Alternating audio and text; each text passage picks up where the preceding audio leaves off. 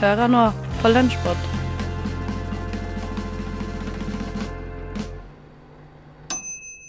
Hei og hjertelig velkommen til Radio Novas lunsjpod. I dag gir jeg, Julie Oskar Andersen, deg et tilbakelytt av hva som har skjedd på kanalen den siste uka. Vi starter med Markus Uttisrud fra programmet Rushtid, som forteller om sin opplevelse på trikken. Da velger jeg å gi ordet videre til neste anmelder, som er eh, Markus. Han Markus. meldte seg med blikket sitt. Eh, ok, Markus har eh, anmeldt det Jeg vet ikke om eh, dere husker at jeg nevnte i stad hva, hva det gikk ut på? Nei. Kjendis. Kjendismøte. Super, superkjendis. Mhm. Ok, Det er kanskje ikke så mye, eh, så mye en anmeldelse som eh, en historie. Nei, Men jeg vet vi ikke hva prøver. min eh, var, så det, alt er bra. Oi! Boble i halsen. Da starter jeg. Mhm. Da jeg traff Mozart eller Beethoven på elvetrikken. Elvetrikken bremser sakte før den stopper ved Skaus plass. Jeg og menneskene rundt meg er kalde. Vårsolen, som hadde varmet hele Oslo tidligere på dagen, har forsvunnet, og snøen har igjen begynt å falle. Hm, pussige værforandringer for tiden. Det var jo varmt tidligere i dag, men nå snør det, tenker jeg for meg selv, mens jeg beveger meg inn mot en av elvetrikkens lune og myke seter. Mer enn det får jeg ikke tenkt, før jeg plutselig hører en sliten, men likevel oppskakket stemme rope bak meg. Dere har pult oss i ræva, hele gjengen! Dere har pult meg! De sinte ropene kommer fra en mann i 30-40-50-årene. Det er ikke alltid så lett å vite. Fordi eh, han har innsunkne kinnbein, ullgenser og bolleklipp. Han er sint for at han må leve på gata, dette til tross for at han har spilt inn over 137 musikkstykker. Jeg har spilt inn over 137 verk i Berlin. Og med en gang jeg kommer tilbake hit, så får jeg faen meg bare dritt. Ikke har jeg noe sted å bo, og ikke får jeg anerkjennelse for alt jeg har gjort. Jeg kan høre den sinte mannens stemme komme nærmere setet mitt. Norge har blitt dømt 164 ganger i verdens menneskerettighetsdomstol, roper han idet han setter seg ned ved siden av meg. Norge har blitt dømt 164 ganger, og jeg har spilt inn 137 verk i Berlin. En mann som sitter overfor meg, titter på den sinte mannen og spør hva slags verk han har spilt inn. Menuenes symfoni, for eksempel, sier den sinte mannen, som fortsetter å heve stemmen. Jeg er nemlig Beethoven! Fortsetter han. Den andre mannen som stilte spørsmålet, svarer kontant at Beethoven er død, men får passet sitt påskrevet av den sinte komponisten. Jeg er ikke død, jeg sitter her. Mozart Amadeus Beethoven heter jeg, og staten har pult meg i ræva. Det har du også gjort. Den sinte mannen peker på meg, og jeg stivner. Alle her i trikken har gjort det. Dere stemmer på de folka. Den sinte mannen vender ansiktet mot drikkevinduet og titter ut. Her har man jobba ræva altså, komponert store stykker som folk har hørt på i hundrevis av år. Og hvor er takknemligheten, liksom? Mens jeg stiger av trikken, tenker jeg på at jeg er ganske heldig som har fått møte en av historiens aller største komponister. Dessverre trakk det litt ned at, ikke var helt, at den ikke var helt stødig på sitt eget navn, terningkast fem. Du lytter til Radio Nova. Inger Hagerup har vært en del av mange nordmenns barndom. Anna Witt fra tekstbehandlingsprogrammet ville gjenoppdage dikteren og få vite om hun syns hun var like flott i voksen alder. Her får du høre hvordan det gikk. Inger Hagerup. Det er jo en dikter mange har forhold til. Jeg må ærlig si jeg har lenge avskrevet henne som en dikter for barn. En virkelig fin dikter for barn, det må sies, men likevel ikke en jeg har plukket opp så mye etter at jeg selv ikke var barn lenger. Men uansett, nå for litt siden kom jeg til å plukke opp 'Strofe med vinden', en diktsamling av Inger Hagerup. Og plutselig dukket diktet 'Første varsel' opp, og det var nesten litt skummelt hvor fint det var. Skal vi se her. Skal vi se om jeg finner riktig side. Og inntil dette punktet, som dere hører, trodde jeg fortsatt at dette bare skulle være meg som gjenoppdager Inger Hagerup litt, kanskje leser et dikt eller to, og avslutter med å konkludere med at hun er så mye mer enn en barnedikter. Men så skjedde det plutselig noe som skulle snu helt opp ned på planene mine. For der, på nettopp den siden jeg bladde meg frem til, satt hun. Inger Hagerup. Nei, Inger ha, Hallo? Er du her? Ja, det er rart. Ja, ja du syns også det er litt rart, eller? Men du har nå engang kommet deg hit, da.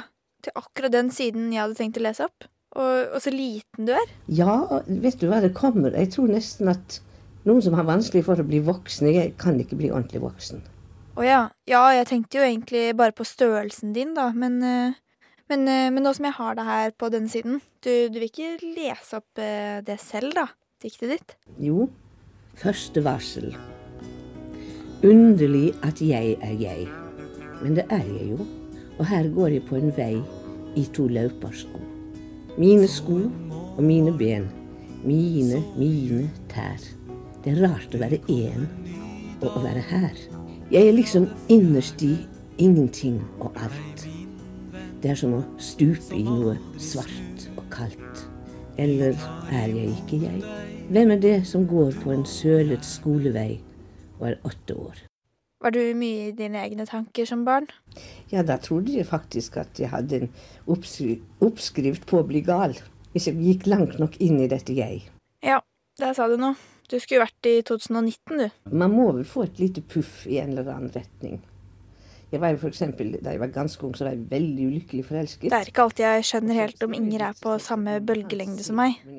Men eh, hun er overraskende pratsom, og har mye å fortelle. Det er så lenge siden at jeg har nesten glemt det hele. Men du, eh, jeg må egentlig lukke boka og komme meg hjemover til middag nå, jeg. Eh, det, var, det var virkelig hyggelig at du dukket opp, selv om det ikke var helt planlagt. Men det er fryktelig farlig. Jeg husker en gang jeg satt og skrev et dikt her borte i sofaen. Når jeg har lagt ned boken på bordet, kjenner jeg meg plutselig helt fjern. Hvordan kan jeg tro på at eh, det sitter en liten Inger Hagerup inne i eh, sin egen diktsamling? Så før jeg tør å legge den fra meg for å stikke hjem og spise middag, så må jeg bare sjekke en siste gang. Stikke fingrene forsiktig inn i siden med eseløret og bare titte inn. Akkurat hvor jeg sitter når jeg skriver og sånn og sånn. Ja. Så, Ja, der er hun.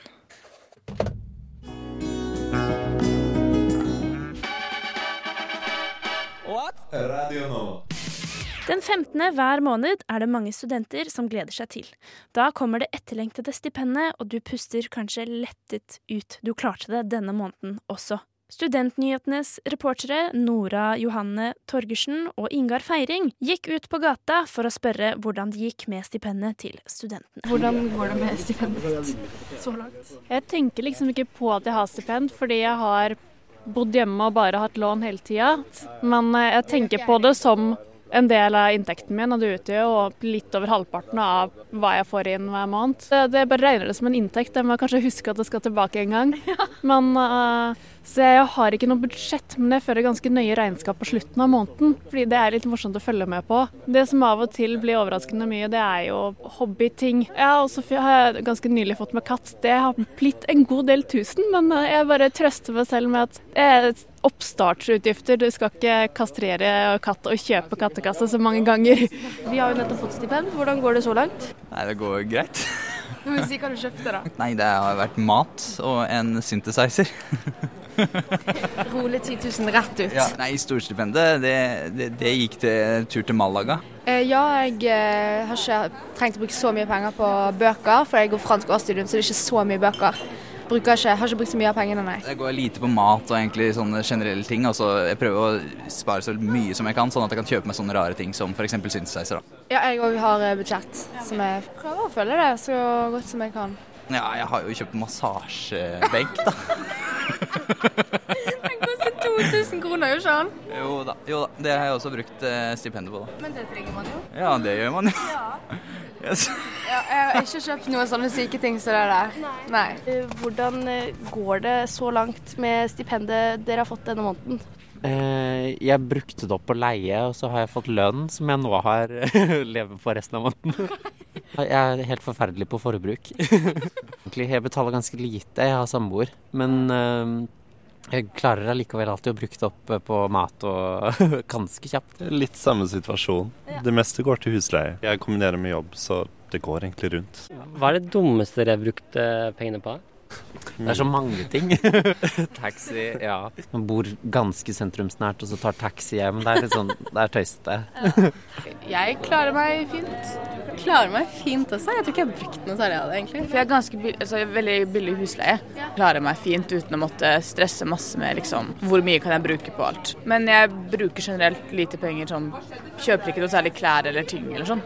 Jeg syns det er helt greit, men jeg jobber jo ved siden av. I forrige uke kjøpte jeg Carolina Herrera-sko, så det var ganske dumt. Det var lite impulskjøp. De var veldig fine. Radio Nova. Natt til søndag fant Sjekkereisen en gjeng som søkte kjærligheten. Tenk deg et 90-talls datingshow, men på radio. Stemmen er jo alt det man trenger. Her får du høre Edvard Brudli Moen introdusere Silje og kandidat nummer tre som hun har valgt. Sjekkereisen på Radio Nova. Jaggu hver søndag lørdag natt så får du Sjekkereisen her på Radio Nova, hvor vi finner forsøker å finne kjærligheten blant uh, våre håpefulle unge. Og vi har funnet to heldige kandidater. Og du Silje, du har jo peilet deg ned til kandidat nummer én. Hvordan føles det nå? Spennende. Spent, ja. Kandidat én, hvordan føles det for deg? Jo, jeg er veldig spent på å se hvem, hvem det her er for noe. Ja, men Så hyggelig å høre. Nå har vi plassert dere i samme studio med ryggen til hverandre, så dere ikke ser hverandre helt ennå. Det kribler kanskje litt i magen, men nå skal dere få lov til å snu dere se hvordan dette er. Så nå er det bare å snu seg. Silje. Det er du som heter Silje. Ja, det er det. Så hyggelig å møte deg. Jeg tror du er en god, eh, god match for meg. Mm. Har dere Sammen. Blir det Los Angeles uh, i fremtiden, kanskje? Ja, jeg tror det må bli en uh, Los Angeles-tur på oss uh, to. Det blir nok det. Hvordan står det til på hundefronten? Jo. jo. ja, vi, vi, må nok anskaffe oss en hund med en gang vi har fått flytta inn et sted. Ja, vi, det er åpen for det? Ja. ja. ja så godt å høre. Kanskje etter, etter å ha fullført studier. ja. så godt å høre. Er det, ja, vil dere stille hverandre noe mer spørsmål nå? Uh, hva, hva, lurer dere på nå? Har du noen spørsmål til meg? Um, hvordan uh, går det? jeg vet ikke. Jeg har ingen egentlige spørsmål. Veldig bra. Ja. Hvordan går det med deg? Jo, det, det, går utmerket. Jeg er veldig fornøyd med å ha blitt utvalgt av de heldige gluntene her i, her i studio. Ja, Hva sier du, Silje? Kunne det blitt en middag ut av det her? Det tror jeg. Du tror det? Ja. Det er da, godt å høre. Det er vårt oppdrag her i Sjekkerreiseren ut vel gjennomført. Det er alt vi trenger. Og da må vi pump up the jam. Takk for at dere var med. Radio Nova. Nova.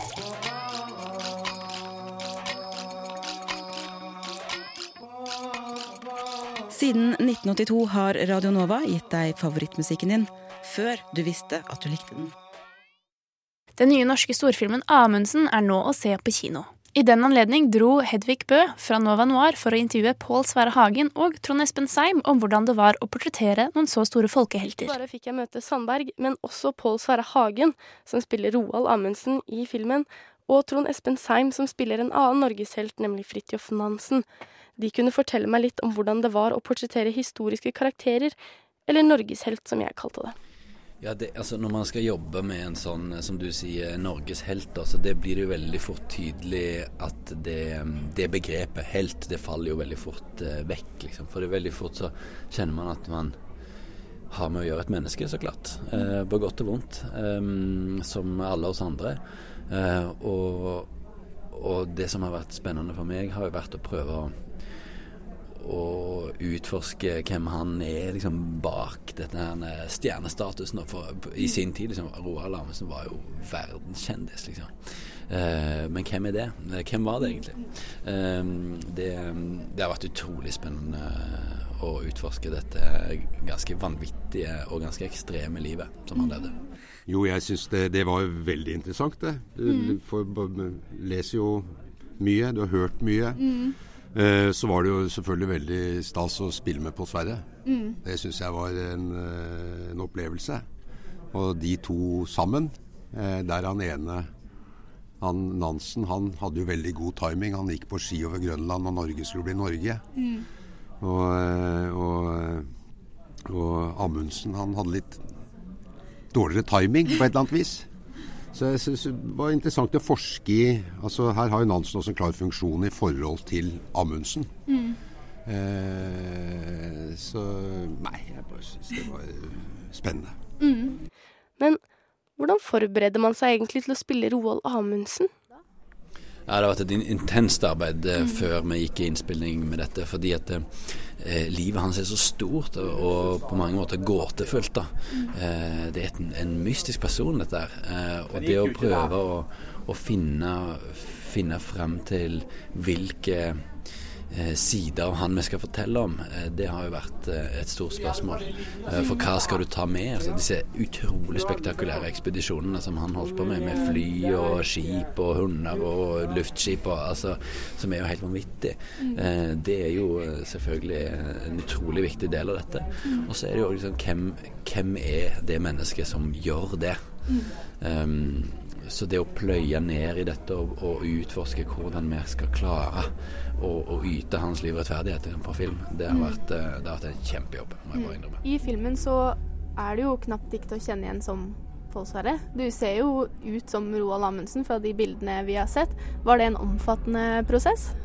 Ja, det var en omfattende prosess, eh, selvfølgelig. En ting er jo sminken og, og, og den altså, legendariske ørnenesen til Roald Amundsen, og få på den, eh, på en måte. Men så er det jo òg det der å få å få det til å leve, da. Eh, Og det er jo der dette svenske, virkelig verdensledende sminketeamet er så bra. Fordi at de, de hindrer ikke meg i å spille rollen min. Eh, samtidig som vi kan uh, gi noen av disse karakteristiske trekkene til Roald liv på film. da. Ja, jeg, jeg tror at det teamet vi hadde på makeup, de er de som også hadde den 100-åringen. Jeg tror de vant Oscar for. De, er altså, de, de var helt fantastiske. Det tok fem timer, tror jeg. Eh, og det er, det er jo det er jo mange faggrupper på, på en film som har arbeidsplassen sin der, og den arbeidsplassen for sminkørene den respekterte vi fullt og helt. Der satt vi Ja. helt musestille. Det tok fem timer, men det var det verdt.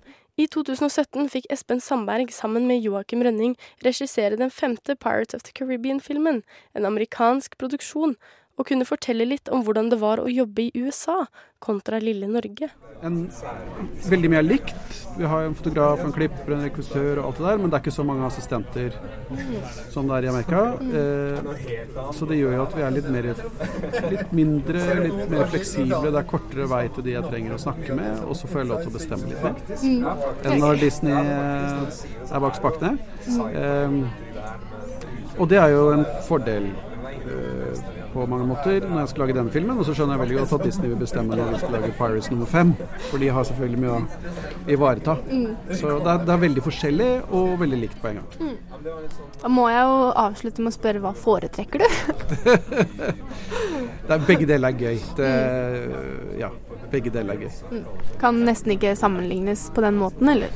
Nei, egentlig ikke helt. For det er, det, er, det er som sagt det er visse likheter, og det er jo interessant å se hvordan amerikanerne jobber, og den fleksibiliteten de har med at de aldri gir seg på ting og hele tiden finpusser, finpusser, finpusser, som jeg også har prøvd å ta med her nå. Filmen hadde premiere forrige uke og er blant de største norske filmene på plakaten for 2019. Forventninger og mottakelse kan åpne nye dører for skuespillerne. Så hva er egentlig det neste på planen? Jeg er på Nationaltheatret og spiller teater eh, titt og ofte. Og så er det ting som er spennende nok. Og eh, sånne ting. Så man prøver å få. Noen får man, noen får man ikke. Men det tar man det mer som det kommer. Ja. Jeg er snart 50. Eh, Jeg eh, jobber gjerne utenlandsk film, jeg. Eh, Jeg syns det er flott. For meg så er det måte det å finne de prosjektene som, som jeg syns er, er spennende, og ikke minst få jobbe med de folka som jeg opplever som spennende møter. Det, det er det som er det viktigste for meg. Og de leter jeg gjerne etter hvor som helst. Amundsen er å se på de fleste kinoer i landet, og er du litt sånn som meg, bitte litt forelsket i Pål Sverre Hagen, litt interessert i norsk historie, polfarere og veldig glad i Antarktika, så bør du definitivt gå og se filmen.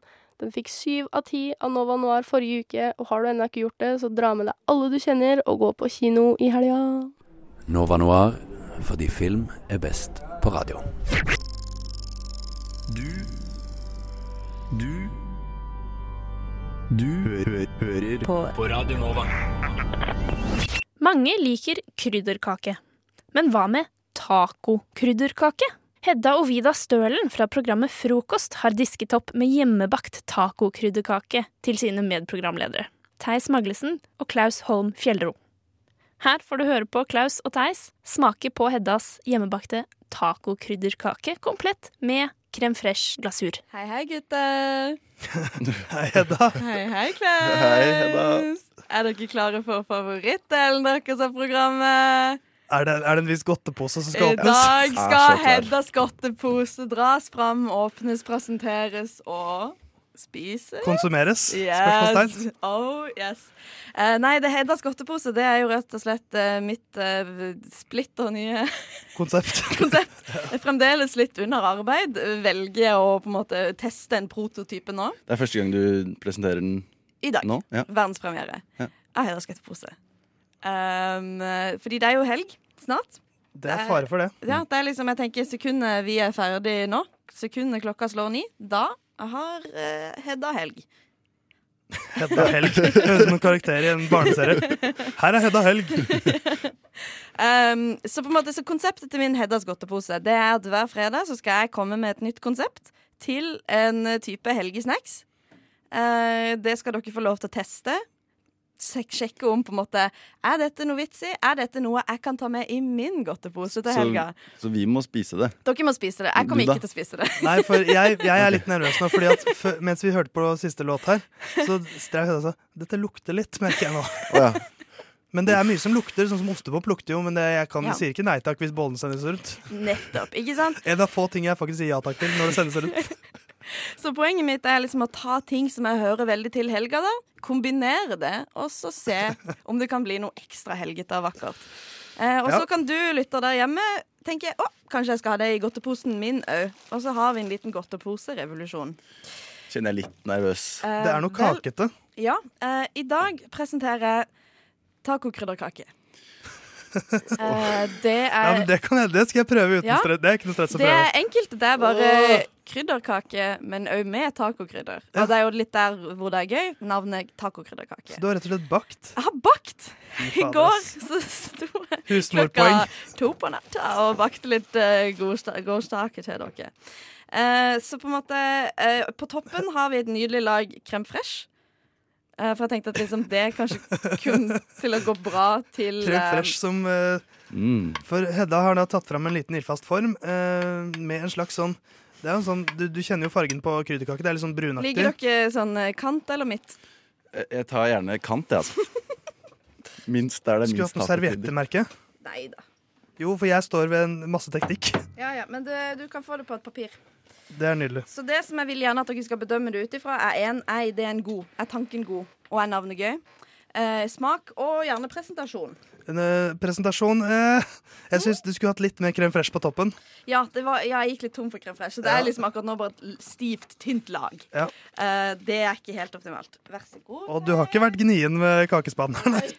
Eh, Du må jo få liksom et good bite for å uh, fullt på en måte. Jeg må jeg vil at litt på mikrofonen min, for jeg vil ikke ha masse uh, tacokrydder i miksebordet. Nei, ikke Så uh, nå blir jeg litt borte et par sekunder.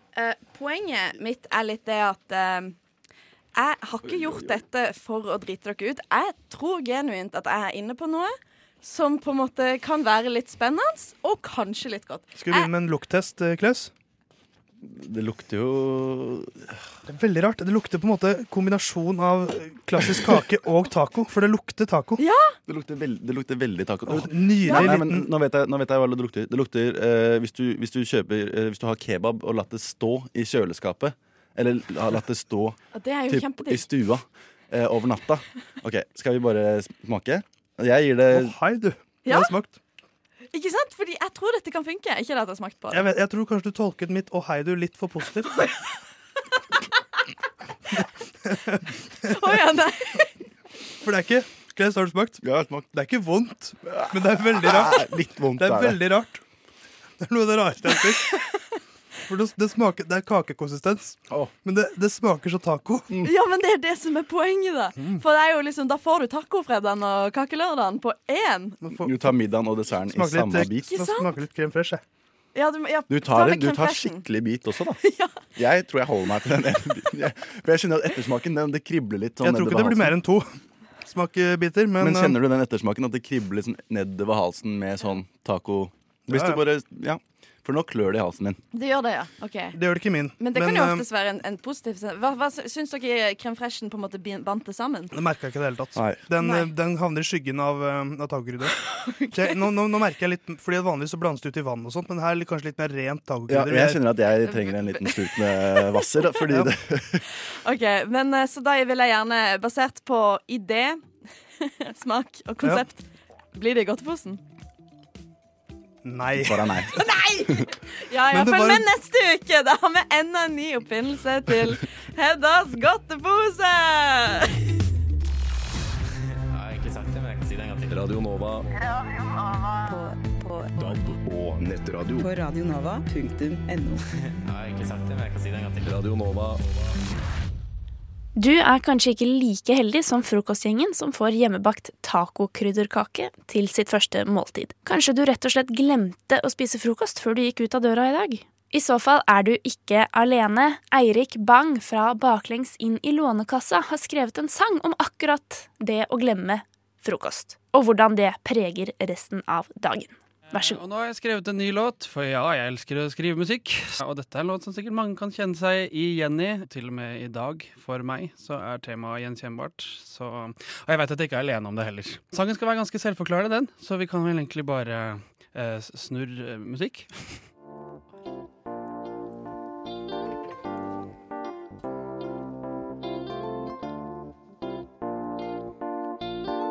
OK. Yeah. Mandag morgen, den er grei. Hangoveren fra lørdag er fortsatt seig, men klokka er blitt ti på ni, og det er ikke lett å si om kroppen min er klar for forelesning om tid min. Men greit, jeg slenger på noen klær, putter Mac-en opp i sekken og håper på bra vær ned på skolen, og setter meg i auditoriet, og det er da jeg skjønner alvoret. Jeg har glemt frokost, dagen min er ødelagt. Glemt frokost, jeg har så mye selvforakt. Denne forelesninga her burde være interessant. Magen min lager lyder, høres nesten ut som sang. Glemt frokost, dagen min er ødelagt. Glemt frokost, jeg har så mye selvforakt. Glemt frokost, vi vet vel alle hva det betyr. Det er store sjanser for at denne dagen blir dyr. Det burde jo gå greit hvis jeg holder ut til sånn klokka ett, for da Nei, men søren heller, det betyr jo at jeg også har glemt lunsj. Ettermiddagen min er ødelagt. Glemt lunsj. Jeg har så mye selvforakt. Glemt lunsj. Vi vet vel alle hva det betyr. Det er store sjanser for at denne dagen blir dyr. Kjøpe mat i kantina. Bruke penger som jeg ikke har. Sjekker nettbanken hver dag. Den representerer bare ubehag. Jepp, jeg tar en dagens lunsj og en Litago, jeg. Ka-ching!